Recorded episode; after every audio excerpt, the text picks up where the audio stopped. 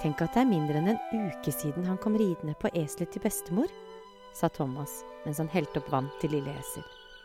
Vi sto ute på tunet. Thomas stelte eslene, mens jeg samlet inn eggene som hønene hadde lagt i morges. Jeg tenkte på palmegrenene, ropene og mannen på eselet.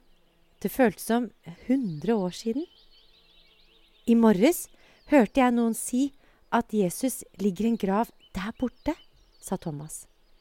Han satte fra seg bøtta og pekte i retning av den nye gravplassen. Thomas ville visst gjerne fortelle og fortelle om alt han visste om det som hadde skjedd med Jesus i går. Jeg ville helst slippe å høre mer om død. Vi ble avbrutt av bestemor. Hun kom gående, sakte ut fra huset mens hun støttet seg på stokken. Det så ut som hun hadde krympet siden i går. Huden var nesten gjennomsiktig, og hun klarte bare så vidt å holde øynene åpne. Vi løp opp for å hjelpe henne, begge to. Hva skal du, bestemor? spurte jeg. Du burde holde deg i ro. Men jeg syns jeg hørte noe, sa hun. Stemmen var tynn og liten. Hva da? Små pip, som nyfødte kyllinger. Jeg så på eggene i kurven. 14, sa jeg. Jeg har funnet 14 egg. Bestemor smilte. Da mangler det tre, sa hun.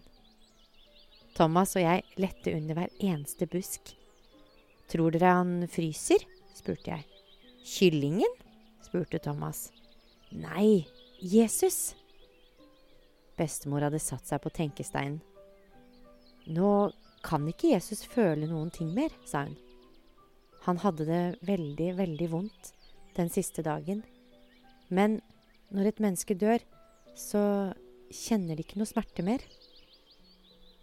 Hva skjer egentlig når noen dør? sa Thomas og lette bak en stein. Når noen dør, slutter hjertet å slå. De slutter å puste, hele kroppen slutter å fungere. Etter hvert blir kroppen helt kald. Som at de sover.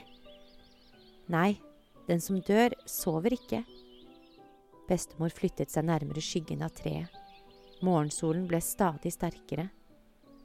For søvn våkner man av. Den som er død, våkner ikke igjen. Men kroppen vår, da? spurte Thomas. Den forsvinner vel ikke bare i løse lufta? Sånn som disse kyllingene tydeligvis har gjort?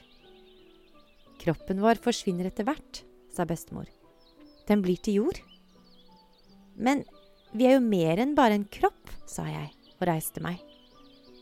Det var godt å strekke ut ryggen etter all kyllingletingen. Og Jesus var jo mer enn kroppen sin.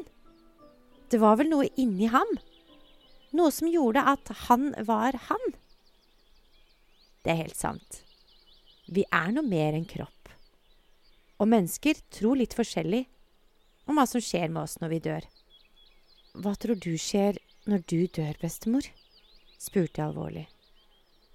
Jeg vet ikke akkurat hvordan, men jeg tror jeg skal være hos Gud, svarte hun. Da så jeg det. Et lite knust eggeskall lå gjemt under grusen. Jeg plukket det opp og børstet av litt sand.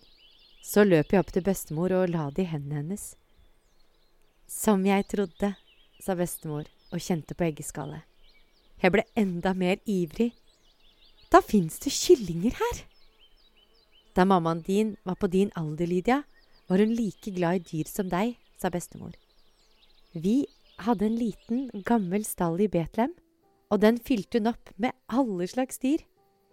En dag kom det en dame og en mann til landsbyen som trengte et sted å bo. Damen skulle nemlig føde.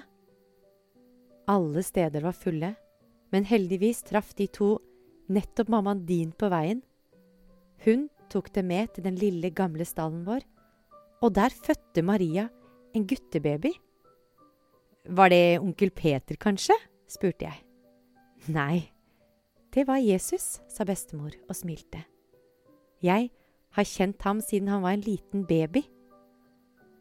Å, så det var det onkel Peter hadde snakket om i Betlehem. Jeg lovte å passe på eselet da de måtte reise videre, og det har jeg gjort. Lille esel vrinsket og kastet på den rufsete mannen sin. akkurat som han forsto at vi snakket om han. Se hva jeg fant! Thomas kom løpende. Han holdt hendene tett sammen og åpnet dem ikke før han var helt fremme hos bestemor og meg. Vi hørte lyden først, så fikk vi øye på dem, de gule, pjuskete små kyllingene. Vi la hodene våre tett inntil dem. De var varme og skikkelig myke.